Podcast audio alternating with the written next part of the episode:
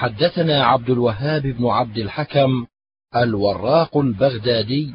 حدثنا يحيى بن سليم عن عبيد الله عن نافع عن ابن عمر قال سافرت مع النبي صلى الله عليه وسلم وأبي بكر وعمر وعثمان فكانوا يصلون الظهر والعصر ركعتين ركعتين لا يصلون قبلها ولا بعدها. وقال عبد الله لو كنت مصليا قبلها أو بعدها لأتممتها. قال وفي الباب عن عمر وعلي وابن عباس وأنس وعمران بن حسين وعائشة. قال أبو عيسى حديث ابن عمر حديث حسن غريب لا نعرفه إلا من حديث يحيى بن سليم مثل هذا. قال محمد بن إسماعيل وقد روي هذا الحديث عن عبيد الله بن عمر عن رجل من آل سراقة عن عبد الله بن عمر. قال أبو عيسى وقد روي عن عطية العوفي عن ابن عمر أن النبي صلى الله عليه وسلم كان يتطوع في السفر قبل الصلاة وبعدها. وقد صح عن النبي صلى الله عليه وسلم أنه كان يقصر في السفر وأبو بكر وعمر وعثمان صدرا من خلافته. والعمل على هذا عند أكثر أهل العلم من أصحاب النبي صلى الله عليه وسلم وغيرهم. وقد روي عن عائشة أنها كانت تتم الصلاة في السفر والعمل على ما روي عن النبي صلى الله عليه وسلم وأصحابه وهو قول الشافعي وأحمد وإسحاق. إلا أن الشافعي يقول التقصير رخصة له في السفر فإن أتم الصلاة أجزأ عنه. حدثنا أحمد بن منيع حدثنا هشيم أخبرنا علي بن زيد بن جدعان القرشي عن أبي نضرة قال سئل عمران بن حسين عن صلاة المسافر فقال حججت مع رسول الله صلى الله عليه وسلم فصلى ركعتين وحججت مع أبي بكر فصلى ركعتين ومع عمر فصلى ركعتين ومع عثمان ست سنين من خلافته. أو ثماني سنين فصلى ركعتين. قال أبو عيسى هذا حديث حسن صحيح. حدثنا قتيبة حدثنا سفيان بن عيينة عن محمد بن المنكدر وإبراهيم بن ميسرة. سمعا أنس بن مالك قال صلينا مع النبي صلى الله عليه وسلم الظهر بالمدينة اربعا وبذي الحليفة العصر ركعتين. قال أبو عيسى هذا حديث صحيح. حدثنا قتيبة حدثنا هشيم عن منصور بن زاذان عن ابن سيرين عن ابن عباس أن النبي صلى الله عليه وسلم خرج من المدينة إلى مكة لا يخاف إلا الله رب العالمين فصلى ركعتين. قال أبو عيسى هذا حديث حسن صحيح.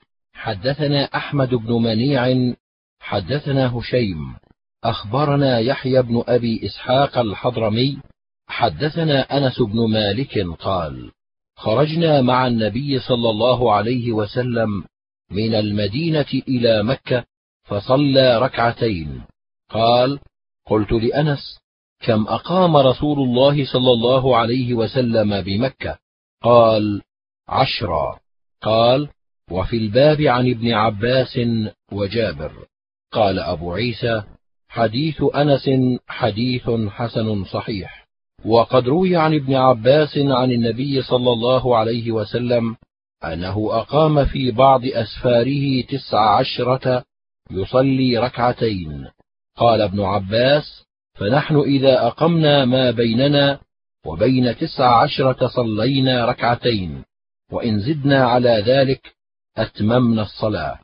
وروي عن علي أنه قال من أقام عشرة أيام أتم الصلاة.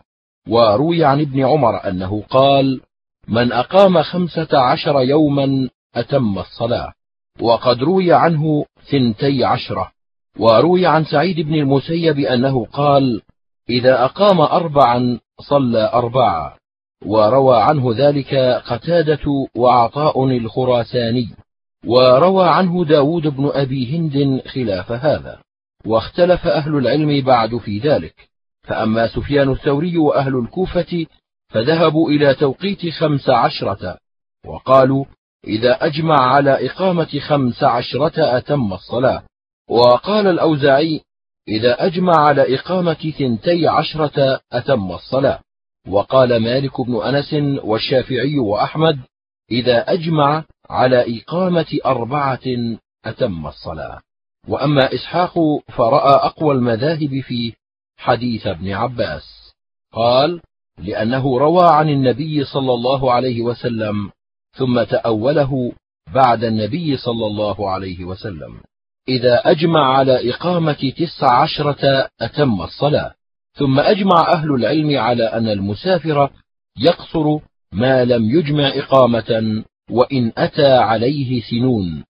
حدثنا هناد بن السري حدثنا أبو معاوية عن عاصم الأحول عن عكرمة عن ابن عباس قال سافر رسول الله صلى الله عليه وسلم سفرا فصلى تسعة عشر يوما ركعتين ركعتين.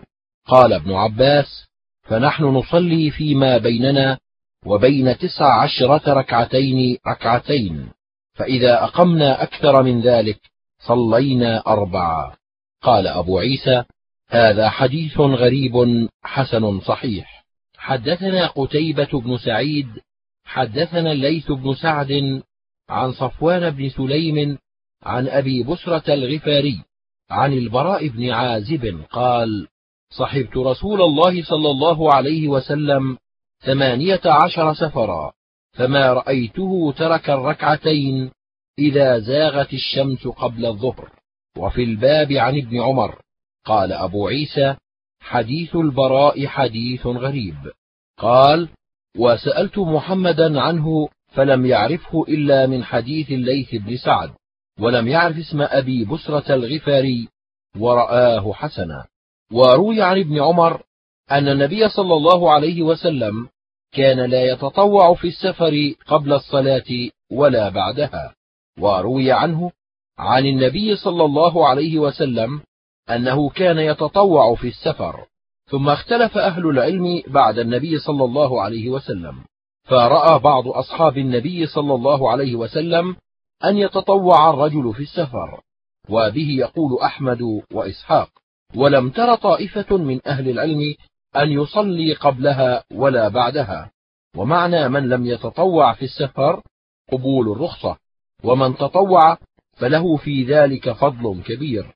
وهو قول أكثر أهل العلم يختارون التطوع في السفر. حدثنا علي بن حجر حدثنا حفص بن غياث عن الحجاج عن عطية عن ابن عمر قال صليت مع النبي صلى الله عليه وسلم الظهر في السفر ركعتين وبعدها ركعتين. قال أبو عيسى هذا حديث حسن.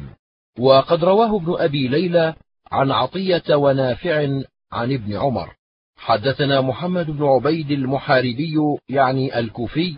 حدثنا علي بن هاشم عن ابن أبي ليلى عن عطية ونافع عن ابن عمر.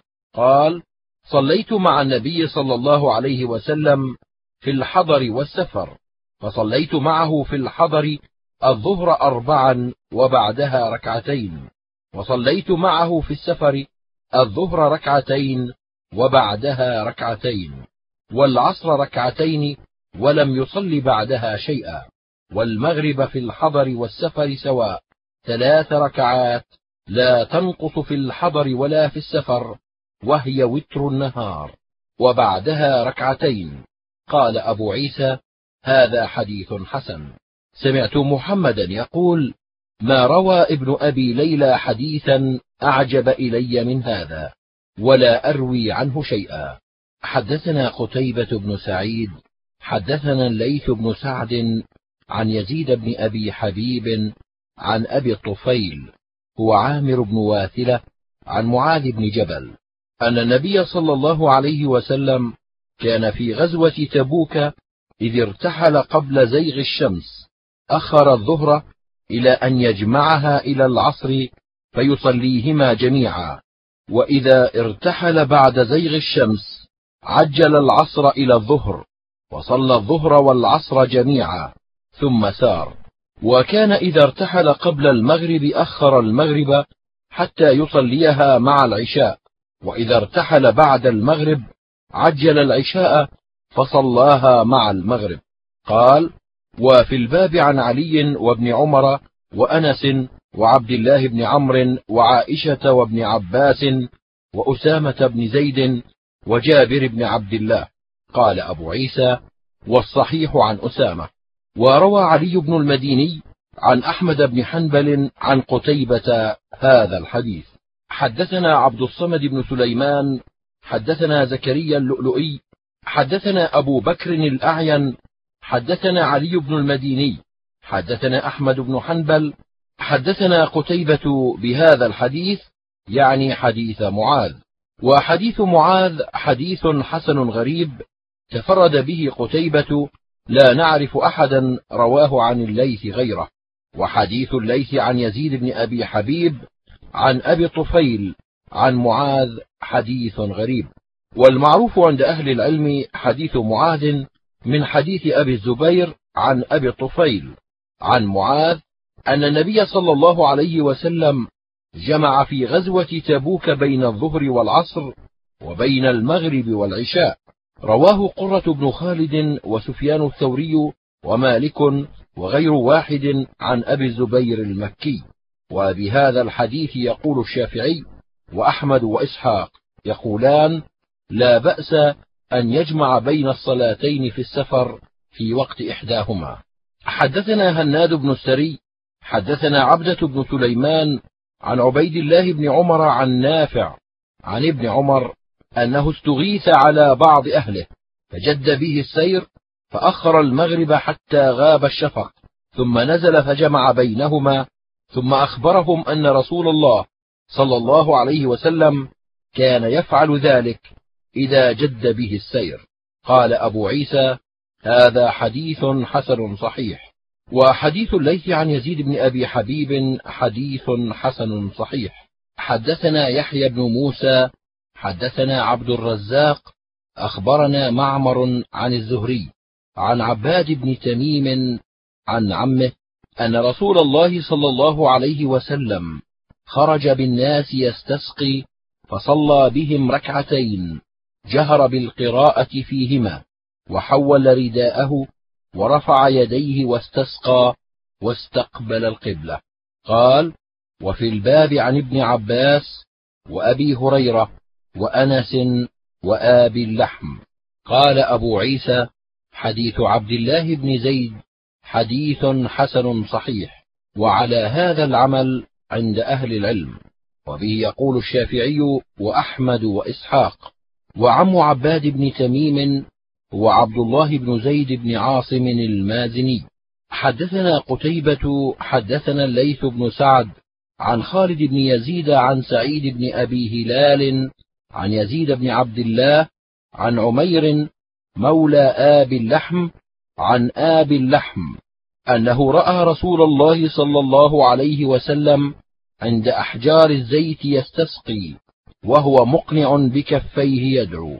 قال أبو عيسى كذا قال قتيبة في هذا الحديث عن آب اللحم ولا نعرف له عن النبي صلى الله عليه وسلم إلا هذا الحديث الواحد.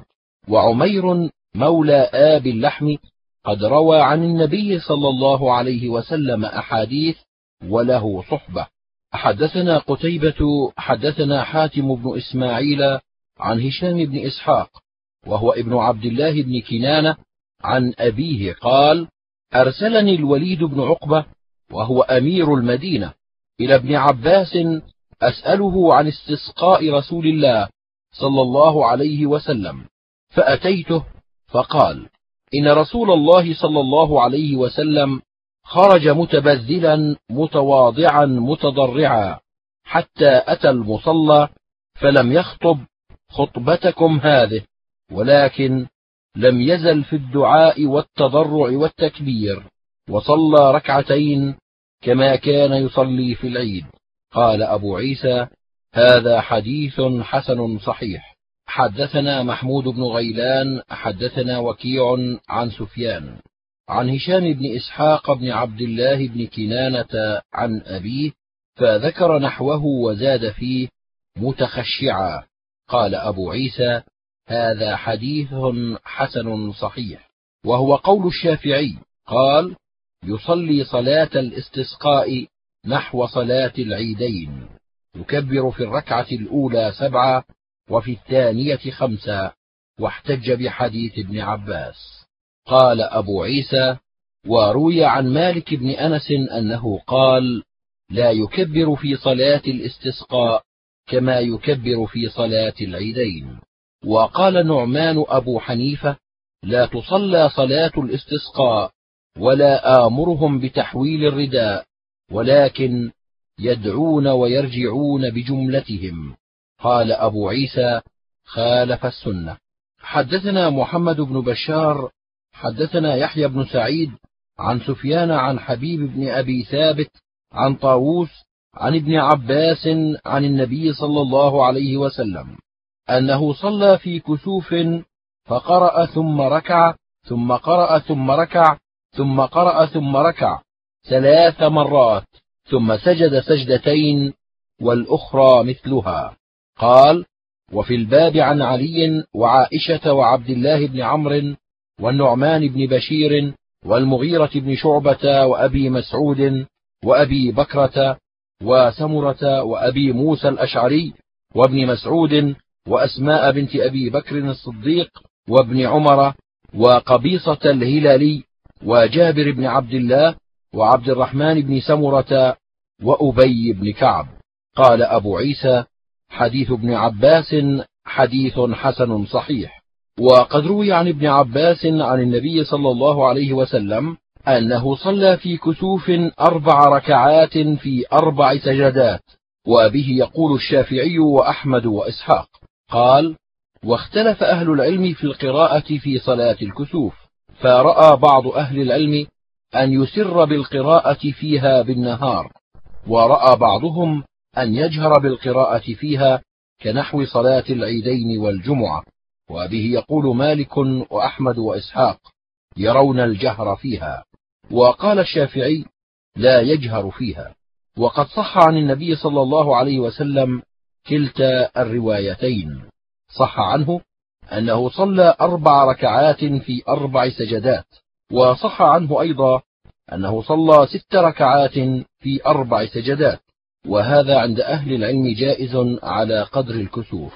إن تطاول الكسوف فصلى ست ركعات في أربع سجدات فهو جائز. وإن صلى أربع ركعات في أربع سجدات وأطال القراءة فهو جائز. ويرون أصحابنا أن تصلى صلاة الكسوف في جماعة في كسوف الشمس والقمر. حدثنا محمد بن عبد الملك بن أبي الشوارب حدثنا يزيد بن زريع حدثنا معمر عن الزهري عن عروة عن عائشة أنها قالت خسفت الشمس على عهد رسول الله صلى الله عليه وسلم. فصلى رسول الله صلى الله عليه وسلم بالناس فأطال القراءة ثم ركع فأطال الركوع ثم رفع رأسه فأطال القراءة وهي دون الأولى ثم ركع فأطال الركوع وهو دون الأول ثم رفع رأسه فسجد ثم فعل مثل ذلك في الركعة الثانية. قال أبو عيسى وهذا حديث حسن صحيح. وبهذا الحديث يقول الشافعي وأحمد وإسحاق يرون صلاة الكسوف أربع ركعات في أربع سجدات. قال الشافعي يقرأ في الركعة الأولى بأم القرآن ونحوا من سورة البقرة سرا إن كان بالنهار. ثم ركع ركوعا طويلا نحوا من قراءته. ثم رفع رأسه بتكبير وثبت قائما كما هو. وقرأ أيضا بأم القرآن ونحوا من آل عمران ثم ركع ركوعا طويلا نحوا من قراءته ثم رفع رأسه ثم قال سمع الله لمن حمده. ثم سجد سجدتين تامتين ويقيم في كل سجدة نحوا مما أقام في ركوعه ثم قام فقرأ بأم القرآن ونحوا من سورة النساء ثم ركع ركوعا طويلا نحوا من قراءته ثم رفع رأسه بتكبير وثبت قائما ثم قرأ نحوا من سورة المائدة ثم ركع ركوعا طويلا نحوا من قراءته ثم رفع فقال سمع الله لمن حمده ثم سجد سجدتين ثم تشهد وسلم. حدثنا محمود بن غيلان حدثنا وكيع حدثنا سفيان عن الأسود بن قيس عن ثعلبة بن عباد عن سمرة بن جندب قال صلى بنا النبي صلى الله عليه وسلم في كسوف لا نسمع له صوتا. قال وفي الباب عن عائشة. قال أبو عيسى حديث سمرة حديث حسن صحيح وقد ذهب بعض أهل العلم إلى هذا وهو قول الشافعي. حدثنا أبو بكر محمد بن أبان حدثنا إبراهيم بن صدقة عن سفيان بن حسين عن الزهري عن عروة عن عائشة أن النبي صلى الله عليه وسلم صلى صلاة الكسوف وجهر بالقراءة فيها. قال أبو عيسى هذا حديث حسن صحيح. ورواه أبو إسحاق الفزاري عن سفيان بن حسين نحوه. وبهذا الحديث يقول مالك بن أنس وأحمد وإسحاق. حدثنا محمد بن عبد الملك بن أبي الشوارب. حدثنا يزيد بن زريع. حدثنا معمر عن الزهري. عن سالم عن أبيه أن النبي صلى الله عليه وسلم صلى صلاة الخوف بإحدى الطائفتين ركعة والطائفة الأخرى مواجهة العدو. ثم انصرفوا فقاموا في مقام أولئك. وجاء أولئك فصلى بهم ركعة أخرى ثم سلم عليهم فقام هؤلاء فقضوا ركعتهم وقام هؤلاء فقضوا ركعتهم. قال أبو عيسى هذا حديث صحيح. وقد روى موسى بن عقبة عن نافع عن ابن عمر مثل هذا. قال وفي الباب عن جابر وحذيفة وزيد بن ثابت وابن عباس وأبي هريرة وابن مسعود وسهل بن أبي حثمة وأبي عياش الزرقي واسمه زيد بن صامت وأبي بكرة. قال أبو عيسى وقد ذهب مالك بن أنس في صلاة الخوف إلى حديث سهل بن أبي حثمة وهو قول الشافعي. وقال أحمد قد روي عن النبي صلى الله عليه وسلم صلاة الخوف على أوجه وما أعلم في هذا الباب إلا حديثا صحيحا وأختار حديث سهل بن أبي حثمة. وهكذا قال إسحاق بن إبراهيم. قال ثبتت الروايات عن النبي صلى الله عليه وسلم في صلاة الخوف ورأى أن كل ما روي عن النبي صلى الله عليه وسلم في صلاة الخوف فهو جائز وهذا على قدر الخوف. قال إسحاق ولسنا نختار حديث سهل بن أبي حثمة على غيره من الروايات. حدثنا محمد بن بشار حدثنا يحيى بن سعيد القطان حدثنا يحيى بن سعيد الأنصاري عن القاسم بن محمد عن صالح بن خوات بن جبير عن سهل بن أبي حثمة أنه قال في صلاة الخوف قال يقوم الإمام مستقبل القبلة وتقوم طائفة منهم معه وطائفة من قبل العدو ووجوههم إلى العدو فيركع بهم ركعة ويركعون لأنفسهم ويسجدون لأنفسهم سجدتين في مكانهم ثم يذهبون إلى مقام أولئك ويجيء أولئك فيركع بهم ركعة ويسجد بهم سجدتين فهي له ثنتان ولهم واحدة ثم يركعون ركعة ويسجدون سجدتين. قال أبو عيسى قال محمد بن بشار سألت يحيى بن سعيد عن هذا الحديث.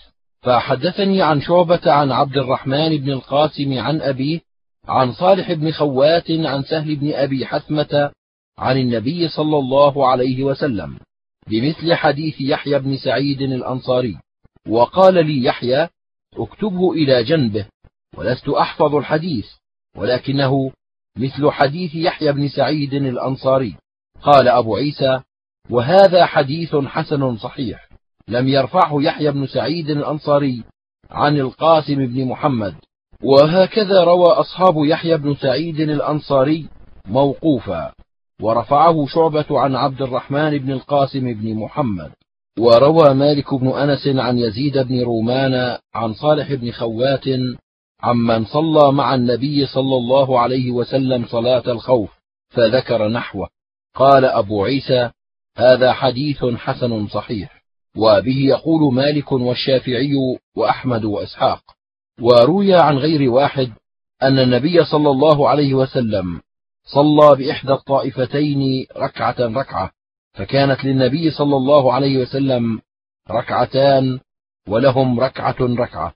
قال أبو عيسى أبو عياش الزرقي اسمه زيد بن صامت. حدثنا سفيان بن وكيع حدثنا عبد الله بن وهب عن عمرو بن الحارث عن سعيد بن أبي هلال عن عمر الدمشقي عن أم الدرداء عن أبي الدرداء قال سجدت مع رسول الله صلى الله عليه وسلم إحدى عشرة سجدة منها التي في النجم. حدثنا عبد الله بن عبد الرحمن أخبرنا عبد الله بن صالح حدثنا الليث بن سعد عن خالد بن يزيد عن سعيد بن أبي هلال عن عمر. وهو ابن حيان الدمشقي. قال سمعت مخبرا يخبر عن أم الدرداء عن أبي الدرداء عن النبي صلى الله عليه وسلم نحوه بلفظه. قال أبو عيسى وهذا أصح من حديث سفيان بن وكيع عن عبد الله بن وهب. قال وفي الباب عن علي وابن عباس وأبي هريرة وابن مسعود وزيد بن ثابت وعمرو بن العاص. قال أبو عيسى حديث أبي الدرداء حديث غريب لا نعرفه إلا من حديث سعيد بن أبي هلال عن عمر الدمشقي. حدثنا نصر بن علي حدثنا عيسى بن يونس عن الأعمش عن مجاهد قال كنا عند ابن عمر فقال قال رسول الله صلى الله عليه وسلم إذنوا للنساء بالليل إلى المساجد. فقال ابنه والله لا نأذن لهن يتخذنه دغلا. فقال فعل الله بك وفعل.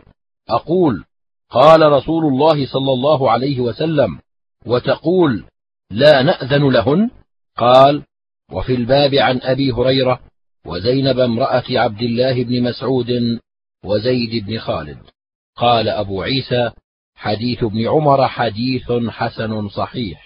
حدثنا محمد بن بشار حدثنا يحيى بن سعيد عن سفيان عن منصور عن ربعي بن حراش عن طارق بن عبد الله المحاربي قال قال رسول الله صلى الله عليه وسلم إذا كنت في الصلاة فلا تبزق عن يمينك ولكن خلفك أو تلقاء شمالك أو تحت قدمك اليسرى قال وفي الباب عن أبي سعيد وابن عمر وأنس وأبي هريرة.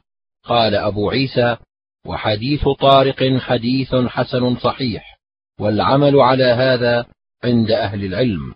قال وسمعت الجارود يقول سمعت وكيعا يقول لم يكذب ربعي بن حراش في الإسلام كذبة. قال وقال عبد الرحمن بن مهدي أثبت أهل الكوفة منصور بن المعتمر. حدثنا قتيبة حدثنا أبو عوانة عن قتادة عن أنس بن مالك قال قال رسول الله صلى الله عليه وسلم البزاق في المسجد خطيئة وكفارتها دفنها. قال أبو عيسى وهذا حديث حسن صحيح.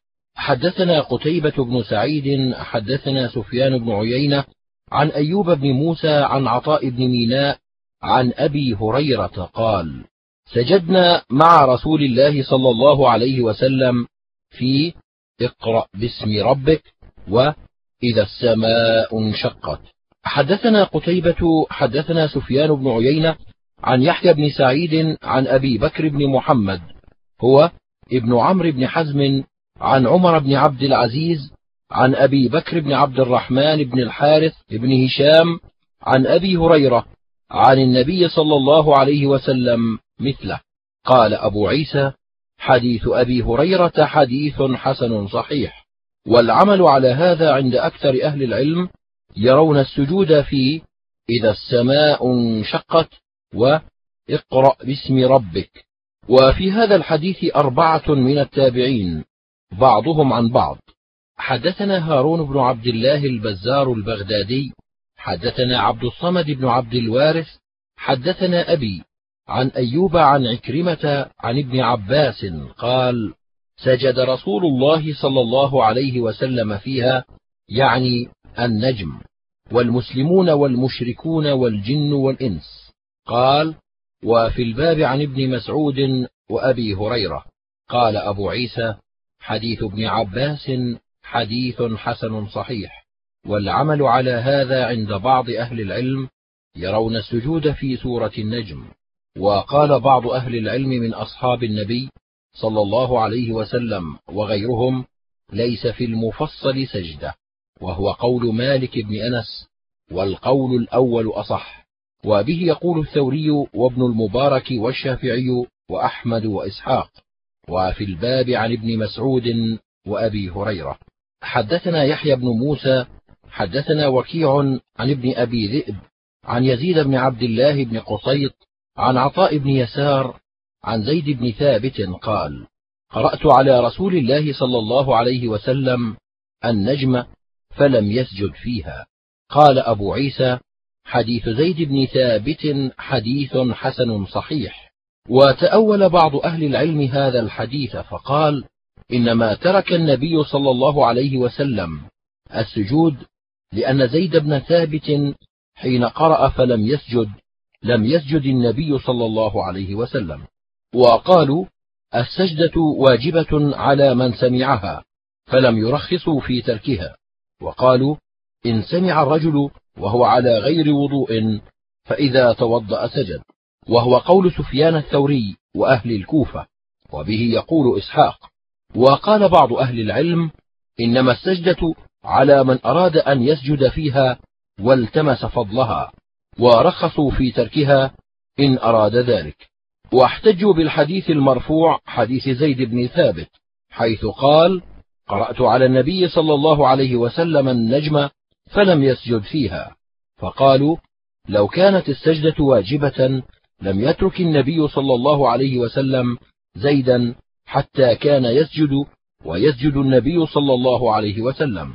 واحتجوا بحديث عمر أنه قرأ سجدة على المنبر فنزل فسجد ثم قرأها في الجمعة الثانية فتهيأ الناس للسجود فقال إنها لم تكتب علينا إلا أن نشاء فلم يسجد ولم يسجدوا. فذهب بعض أهل العلم إلى هذا وهو قول الشافعي وأحمد.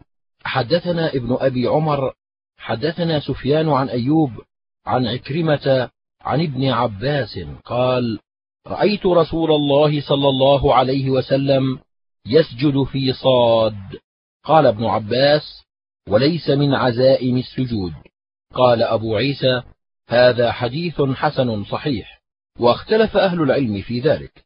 فرأى بعض أهل العلم من أصحاب النبي صلى الله عليه وسلم وغيرهم أن يسجد فيها.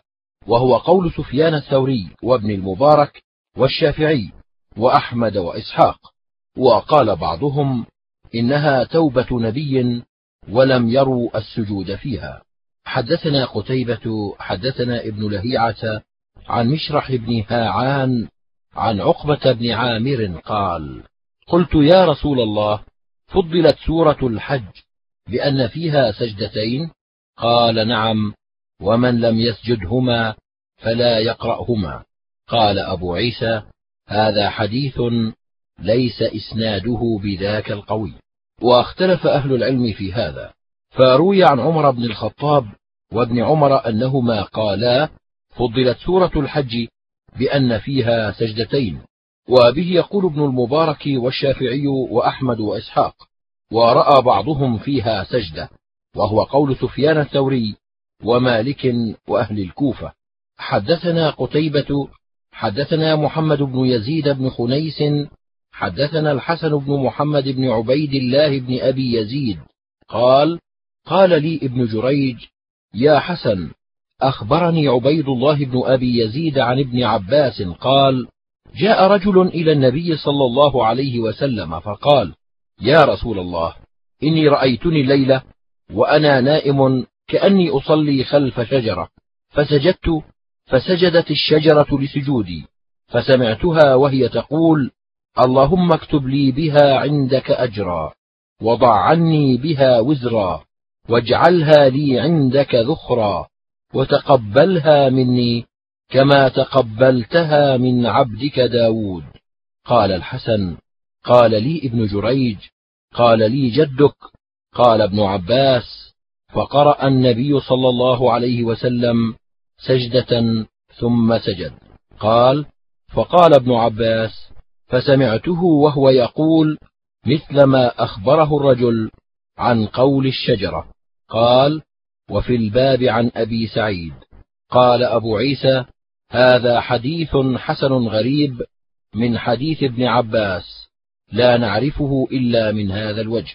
حدثنا محمد بن بشار حدثنا عبد الوهاب الثقفي حدثنا خالد الحذاء عن أبي العالية عن عائشة قالت كان رسول الله صلى الله عليه وسلم يقول في سجود القرآن بالليل سجد وجهي للذي خلقه وشق سمعه وبصره بحوله وقوته. قال أبو عيسى هذا حديث حسن صحيح. حدثنا قتيبة حدثنا أبو صفوان عن يونس بن يزيد عن ابن شهاب الزهري أن السائب بن يزيد وعبيد الله بن عبد الله بن عتبة بن مسعود أخبراه عن عبد الرحمن بن عبد القاري قال سمعت عمر بن الخطاب يقول قال رسول الله صلى الله عليه وسلم من نام عن حزبه أو عن شيء منه فقرأه ما بين صلاة الفجر وصلاة الظهر كتب له كأنما قرأه من الليل. قال أبو عيسى هذا حديث حسن صحيح. قال وأبو صفوان اسمه عبد الله بن سعيد المكي وروى عنه الحميدي وكبار الناس. حدثنا قتيبة حدثنا حماد بن زيد عن محمد بن زياد وهو أبو الحارث البصري ثقة. عن أبي هريرة قال قال محمد صلى الله عليه وسلم أما يخشى الذي يرفع رأسه قبل الإمام أن يحول الله رأسه رأس حمار؟ قال قتيبة. قال حماد.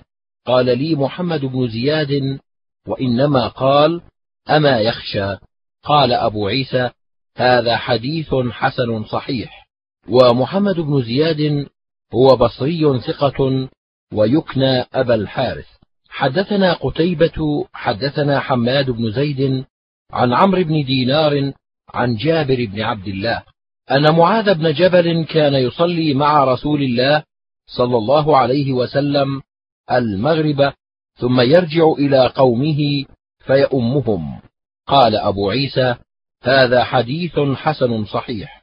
والعمل على هذا عند أصحابنا الشافعي وأحمد وإسحاق. قالوا إذا أما الرجل القوم في المكتوبة وقد كان صلاها قبل ذلك أن صلاة من ائتم به جائزة. واحتجوا بحديث جابر في قصة معاذ وهو حديث صحيح وقد روي من غير وجه عن جابر. وروي عن أبي الدرداء أنه سئل عن رجل دخل المسجد والقوم في صلاة العصر وهو يحسب أنها صلاة الظهر فأتم بهم. قال صلاته جائزة. وقد قال قوم من أهل الكوفة إذا أتم قوم بإمام وهو يصلي العصر وهم يحسبون أنها الظهر فصلى بهم واقتدوا به فإن صلاة المقتدي فاسدة إذا اختلف نية الإمام ونية المأموم. حدثنا أحمد بن محمد حدثنا عبد الله بن المبارك أخبرنا خالد بن عبد الرحمن قال حدثني غالب القطان عن بكر بن عبد الله المزني عن أنس بن مالك قال كنا إذا صلينا خلف النبي صلى الله عليه وسلم بالظهائر سجدنا على ثيابنا اتقاء الحر. قال أبو عيسى هذا حديث حسن صحيح. وقال وفي الباب عن جابر بن عبد الله وابن عباس وقد روى وكيع هذا الحديث عن خالد بن عبد الرحمن. حدثنا قتيبة حدثنا أبو الأحوص عن سماك بن حرب عن جابر بن سمرة قال كان النبي صلى الله عليه وسلم إذا صلى الفجر قعد في مصلاه حتى تطلع الشمس. قال أبو عيسى هذا حديث حسن صحيح.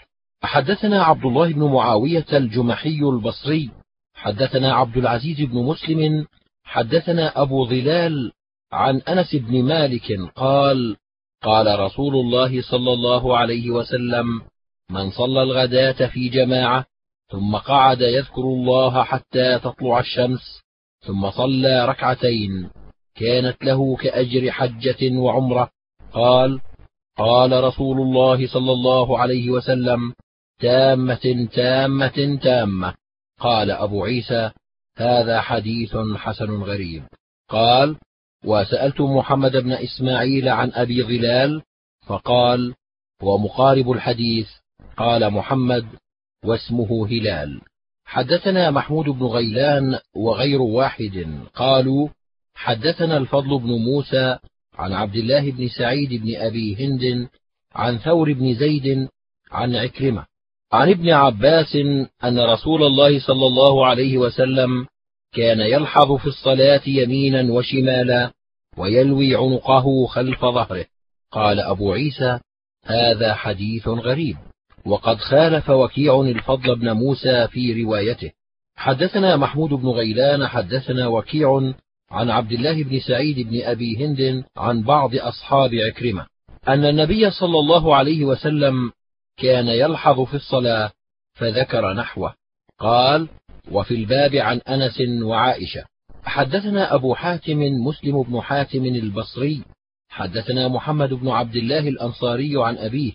عن علي بن زيد عن سعيد بن المسيب قال قال أنس بن مالك قال لي رسول الله صلى الله عليه وسلم يا بني إياك والالتفات في الصلاة فإن الالتفات في الصلاة هلكة. فإن كان لا بد ففي التطوع لا في الفريضة. قال أبو عيسى هذا حديث حسن غريب. حدثنا صالح بن عبد الله حدثنا أبو الأحوص عن أشعث بن أبي الشعثاء عن أبيه عن مسروق عن عائشة قالت سألت رسول الله صلى الله عليه وسلم عن الالتفات في الصلاة. قال واختلاس يختلسه الشيطان من صلاة الرجل. قال أبو عيسى هذا حديث حسن غريب. حدثنا هشام بن يونس الكوفي حدثنا المحاربي عن الحجاج بن أرطاة عن أبي إسحاق عن هبيرة بن يريم عن علي وعن عمرو بن مرة عن ابن أبي ليلى عن معاذ بن جبل قالا قال النبي صلى الله عليه وسلم إذا أتى أحدكم الصلاة والإمام على حال فليصنع كما يصنع الإمام. قال أبو عيسى هذا حديث غريب. لا نعلم أحدا أسنده إلا ما روي من هذا الوجه والعمل على هذا عند أهل العلم.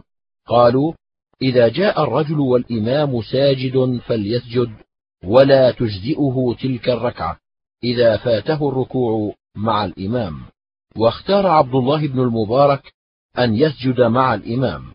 وذكر عن بعضهم فقال لعله لا يرفع رأسه في تلك السجدة حتى يغفر له. حدثنا أحمد بن محمد أخبرنا عبد الله بن المبارك أخبرنا معمر عن يحيى بن أبي كثير عن عبد الله بن أبي قتادة عن أبيه قال قال رسول الله صلى الله عليه وسلم إذا أقيمت الصلاة فلا تقوموا حتى تروني خرجت. قال وفي الباب عن أنس وحديث أنس غير محفوظ. قال أبو عيسى حديث أبي قتادة حديث حسن صحيح. وقد كره قوم من أهل العلم من أصحاب النبي صلى الله عليه وسلم وغيرهم أن ينتظر الناس الإمام وهم قيام. وقال بعضهم إذا كان الإمام في المسجد فأقيمت الصلاة فإنما يقومون إذا قال المؤذن قد قامت الصلاة قد قامت الصلاة وهو قول ابن المبارك. حدثنا محمود بن غيلان حدثنا يحيى بن آدم حدثنا أبو بكر بن عياش عن عاصم عن زر عن عبد الله قال كنت أصلي والنبي صلى الله عليه وسلم وأبو بكر وعمر معه فلما جلست بدأت بالثناء على الله ثم الصلاة على النبي صلى الله عليه وسلم ثم دعوت لنفسي. فقال النبي صلى الله عليه وسلم سل تعطه سل تعطه قال وفي الباب عن فضالة بن عبيد. قال أبو عيسى حديث عبد الله بن مسعود حديث حسن صحيح. قال أبو عيسى هذا الحديث رواه أحمد بن حنبل عن يحيى بن آدم مختصرا. حدثنا محمد بن حاتم المؤدب البغدادي البصري. حدثنا عامر بن صالح الزبيري هو من ولد الزبير. حدثنا هشام بن عروة عن أبيه عن عائشة قالت أمر رسول الله صلى الله عليه وسلم ببناء المساجد في الدور وأن تنظف وتطيب. حدثنا هناد حدثنا عبدة ووكيع عن هشام بن عروة عن أبيه. أن النبي صلى الله عليه وسلم أمر فذكر نحوه. قال أبو عيسى وهذا أصح من الحديث الأول. حدثنا ابن أبي عمر حدثنا سفيان بن عيينة عن هشام بن عروة عن أبيه أن النبي صلى الله عليه وسلم أمر فذكر نحوه. قال سفيان قوله لبناء المساجد في الدور يعني القبائل. حدثنا محمد بن بشار حدثنا عبد الرحمن بن مهدي حدثنا شعبة عن يعلى بن عطاء عن علي الأزدي عن ابن عمر عن النبي صلى الله عليه وسلم قال صلاة الليل والنهار مثنى مثنى. قال أبو عيسى اختلف أصحاب شعبة في حديث ابن عمر فرفعه بعضهم وأوقفه بعضهم. وروي عن عبد الله العمري عن نافع عن ابن عمر عن النبي صلى الله عليه وسلم نحو هذا. والصحيح ما روي عن ابن عمر أن النبي صلى الله عليه وسلم قال صلاة الليل مثنى مثنى وروى الثقات عن عبد الله بن عمر عن النبي صلى الله عليه وسلم ولم يذكروا فيه صلاة النهار. وقد روي عن عبيد الله عن نافع عن ابن عمر أنه كان يصلي بالليل مثنى مثنى وبالنهار أربعة. وقد اختلف أهل العلم في ذلك فرأى بعضهم أن صلاة الليل والنهار مثنى مثنى وهو قول الشافعي وأحمد. وقال بعضهم صلاة الليل مثنى مثنى ورأوا صلاة التطوع بالنهار أربعة مثل الأربع قبل الظهر وغيرها من صلاة التطوع وهو قول سفيان الثوري وابن المبارك وإسحاق. حدثنا محمود بن غيلان حدثنا وهب بن جرير حدثنا شعبة عن أبي إسحاق عن عاصم بن ضمرة قال سألنا عليا عن صلاة رسول الله صلى الله عليه وسلم من النهار فقال إنكم لا تطيقون ذاك. فقلنا من أطاق ذاك منا؟ فقال كان رسول الله صلى الله عليه وسلم إذا كانت الشمس منها هنا كهيئتها منها هنا. عند العصر صلى ركعتين وإذا كانت الشمس منها هنا كهيئتها منها هنا عند الظهر صلى أربعة وصلى أربعا قبل الظهر وبعدها ركعتين وقبل العصر أربعة يفصل بين كل ركعتين بالتسليم على الملائكة المقربين والنبيين والمرسلين ومن تبعهم من المؤمنين والمسلمين. حدثنا محمد بن المثنى حدثنا محمد بن جعفر حدثنا شعبة عن أبي إسحاق عن عاصم بن ضمرة عن علي عن النبي صلى الله عليه وسلم نحوه. قال أبو عيسى هذا حديث حسن. وقال إسحاق بن إبراهيم أحسن شيء روي في تطوع النبي صلى الله عليه وسلم في النهار هذا. وروي عن عبد الله بن المبارك أنه كان يضعف هذا الحديث وإنما ضعفه عندنا والله أعلم لأنه لا يروى مثل هذا عن النبي صلى الله عليه وسلم إلا من هذا الوجه عن عاصم بن ضمرة عن علي. وعاصم بن ضمرة هو ثقة عند بعض أهل العلم. قال علي بن المديني قال يحيى بن سعيد القطان قال سفيان كنا نعرف فضل حديث عاصم بن ضمرة على حديث الحارث. حدثنا محمد بن عبد الأعلى حدثنا خالد بن الحارث عن أشعث وهو ابن عبد الملك عن محمد بن سيرين عن عبد الله بن شقيق عن عائشة قالت كان رسول الله صلى الله عليه وسلم لا يصلي في لحف نسائه. قال أبو عيسى هذا حديث حسن صحيح. وقد روي عن النبي صلى الله عليه وسلم رخصة في ذلك. حدثنا أبو سلمة يحيى بن خلف حدثنا بشر بن المفضل عن برد بن سنان عن الزهري عن عروة عن عائشة قالت جئت ورسول الله صلى الله عليه وسلم يصلي في البيت والباب عليه مغلق فمشى حتى فتح لي ثم رجع إلى مكانه ووصفت الباب في القبلة. قال أبو عيسى هذا حديث حسن غريب. حدثنا محمود بن غيلان حدثنا أبو داود قال أنبأنا شعبة عن الأعمش قال سمعت أبا وائل قال سأل رجل عبد الله عن هذا الحرف غير آس أو ياس. قال كل القرآن قرأت غير هذا الحرف؟ قال نعم. قال إن قوما يقرؤونه ينثرونه نسر الدقل لا يجاوز تراقيهم. إني لأعرف السور النظائر التي كان رسول الله صلى الله عليه وسلم يقرن بينهن. قال فأمرنا علقمة فسأله فقال عشرون سورة من المفصل. كان النبي صلى الله عليه وسلم يقرن بين كل سورتين في ركعة. قال أبو عيسى هذا حديث حسن صحيح. حدثنا محمود بن غيلان حدثنا أبو داود قال أنبأنا شعبة عن الأعمش سمع ذكوان عن أبي هريرة عن النبي صلى الله عليه وسلم قال إذا توضأ الرجل فأحسن الوضوء ثم خرج إلى الصلاة لا يخرجه أو قال لا ينهزه إلا إياها. لم يخط خطوة إلا رفعه الله بها درجة أو حط عنه بها خطيئة. قال أبو عيسى هذا حديث حسن صحيح. حدثنا محمد بن بشار حدثنا إبراهيم بن أبي الوزير البصري ثقة. حدثنا محمد بن موسى عن سعد بن إسحاق بن كعب بن عجرة عن أبيه عن جده قال صلى النبي صلى الله عليه وسلم في مسجد بني عبد الأشهل المغرب فقام ناس يتنفلون. فقال النبي صلى الله عليه وسلم عليكم بهذه الصلاة في البيوت. قال أبو عيسى هذا حديث غريب. من حديث كعب بن عجرة لا نعرفه إلا من هذا الوجه. والصحيح ما روي عن ابن عمر قال كان النبي صلى الله عليه وسلم يصلي الركعتين بعد المغرب في بيته.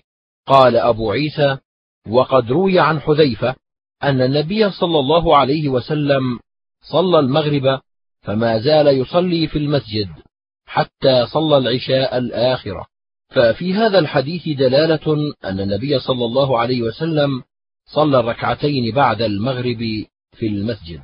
حدثنا محمد بن بشار حدثنا عبد الرحمن بن مهدي حدثنا سفيان عن الأغر بن الصباح عن خليفة بن حسين عن قيس بن عاصم أنه أسلم فأمره النبي صلى الله عليه وسلم أن يغتسل بماء وسدر. قال وفي الباب عن أبي هريرة. قال أبو عيسى هذا حديث حسن لا نعرفه إلا من هذا الوجه والعمل عليه عند أهل العلم. يستحبون للرجل إذا أسلم أن يغتسل ويغسل ثيابه. حدثنا محمد بن حميد الرازي حدثنا الحكم بن بشير بن سلمان حدثنا خلاد الصفار عن الحكم بن عبد الله النصري عن أبي إسحاق عن أبي جحيفة عن علي بن أبي طالب رضي الله عنه أن رسول الله صلى الله عليه وسلم قال ستر ما بين أعين الجن وعورات بني آدم إذا دخل أحدهم الخلاء أن يقول بسم الله. قال أبو عيسى هذا حديث غريب لا نعرفه إلا من هذا الوجه وإسناده ليس بذاك القوي. وقد روي عن أنس عن النبي صلى الله عليه وسلم أشياء في هذا. حدثنا أبو الوليد أحمد بن بكار الدمشقي. حدثنا الوليد بن مسلم قال قال صفوان بن عمرو أخبرني يزيد بن خمير عن عبد الله بن بسر عن النبي صلى الله عليه وسلم قال أمتي يوم القيامة غر من السجود محجلون من الوضوء. قال أبو عيسى هذا حديث حسن صحيح غريب من هذا الوجه من حديث عبد الله بن بسر. حدثنا هناد حدثنا أبو الأحوص عن أشعث بن أبي الشعثاء عن أبيه عن مسروق عن عائشة أن رسول الله صلى الله عليه وسلم كان يحب التيمن في طهوره إذا تطهر وفي ترجله إذا ترجل وفي انتعاله إذا انتعل. قال أبو عيسى هذا حديث حسن صحيح وأبو الشعثاء اسمه سليم بن أسود المحاربي. حدثنا هناد حدثنا وكيع عن شريك عن عبد الله بن عيسى عن ابن جبر عن أنس بن مالك أن رسول الله صلى الله عليه وسلم قال يجزئ في الوضوء رطلان من ماء. قال أبو عيسى هذا حديث غريب لا نعرفه إلا من حديث شريك على هذا اللفظ. وروى شعبة عن عبد الله بن عبد الله بن جبر عن أنس بن مالك أن النبي صلى الله عليه وسلم كان يتوضأ بالمكوك ويغتسل بخمسة مكاكي وروي عن سفيان الثوري عن عبد الله بن عيسى عن عبد الله بن جبر عن أنس أن النبي صلى الله عليه وسلم كان يتوضأ بالمد ويغتسل بالصاع وهذا أصح من حديث شريك. حدثنا محمد بن بشار حدثنا معاذ بن هشام حدثني أبي عن قتادة عن أبي حرب بن أبي الأسود عن ابيه عن علي بن أبي طالب رضي الله عنه أن رسول الله صلى الله عليه وسلم قال في بول الغلام الرضيع ينضح بول الغلام ويغسل بول الجارية. قال قتادة وهذا ما لم يطعما فإذا طعما غسلا جميعا. قال أبو عيسى هذا حديث حسن صحيح. رفع هشام الدستوائي هذا الحديث عن قتادة وأوقفه سعيد بن أبي عروبة عن قتادة ولم يرفعه. حدثنا قتيبة حدثنا خالد بن زياد عن مقاتل بن حيان عن شهر بن حوشب قال رأيت جرير بن عبد الله توضأ ومسح على خفيه. قال فقلت له في ذلك. فقال رأيت النبي صلى الله عليه وسلم توضأ فمسح على خفيه فقلت له أقبل المائدة أم بعد المائدة؟ قال ما أسلمت إلا بعد المائدة. حدثنا محمد بن حميد الرازي قال حدثنا نعيم بن ميسرة النحوي عن خالد بن زياد نحوه. قال أبو عيسى هذا حديث غريب لا نعرفه مثل هذا إلا من حديث مقاتل بن حيان عن شهر بن حوشب. حدثنا هناد حدثنا قبيصة عن حماد بن سلمة عن عطاء الخراساني عن يحيى بن يعمر عن عمار أن النبي صلى الله عليه وسلم رخص للجنب إذا أراد أن يأكل أو يشرب أو ينام أن يتوضأ وضوءه للصلاة. قال أبو عيسى هذا حديث حسن صحيح. حدثنا عبد الله بن أبي زياد القطواني الكوفي حدثنا عبيد الله بن موسى حدثنا غالب أبو بشر عن أيوب بن عائد الطائي عن قيس بن مسلم عن طارق بن شهاب عن كعب بن عجرة قال قال لي رسول الله صلى الله عليه وسلم أعيذك بالله يا كعب بن عجرة من أمراء يكونون من بعدي فمن غشي أبوابهم فصدقهم في كذبهم وأعانهم على ظلمهم فليس مني ولست منه ولا يرد علي الحوض. ومن غشي أبوابهم أو لم يغش فلم يصدقهم في كذبهم ولم يعنهم على ظلمهم فهو مني وأنا منه وسيرد علي الحوض. يا كعب بن عجرة الصلاة برهان. والصوم جنة حصينة والصدقة تطفئ الخطيئة كما يطفئ الماء النار. يا كعب بن عجرة إنه لا يربو لحم نبت من سحت إلا كانت النار أولى به. قال أبو عيسى هذا حديث حسن غريب من هذا الوجه لا نعرفه إلا من حديث عبيد الله بن موسى. وأيوب بن عائد الطائي يضعف ويقال كان يرى رأي الإرجاء وسألت محمدا عن هذا الحديث فلم يعرفه إلا من حديث عبيد الله بن موسى واستغربه جدا. وقال محمد حدثنا ابن نمير عن عبيد الله بن موسى عن غالب بهذا. حدثنا موسى بن عبد الرحمن الكندي الكوفي حدثنا زيد بن الحباب أخبرنا معاوية بن صالح حدثني سليم بن عامر قال سمعت أبا أمامة يقول سمعت رسول الله صلى الله عليه وسلم يخطب في حجة الوداع فقال اتقوا الله ربكم وصلوا خمسكم وصوموا شهركم وأدوا زكاة أموالكم وأطيعوا ذا أمركم تدخلوا جنة ربكم. قال فقلت لأبي أمامة منذ كم سمعت من رسول الله صلى الله عليه وسلم هذا الحديث؟ قال سمعته وأنا ابن ثلاثين سنة. قال أبو عيسى هذا حديث حسن صحيح.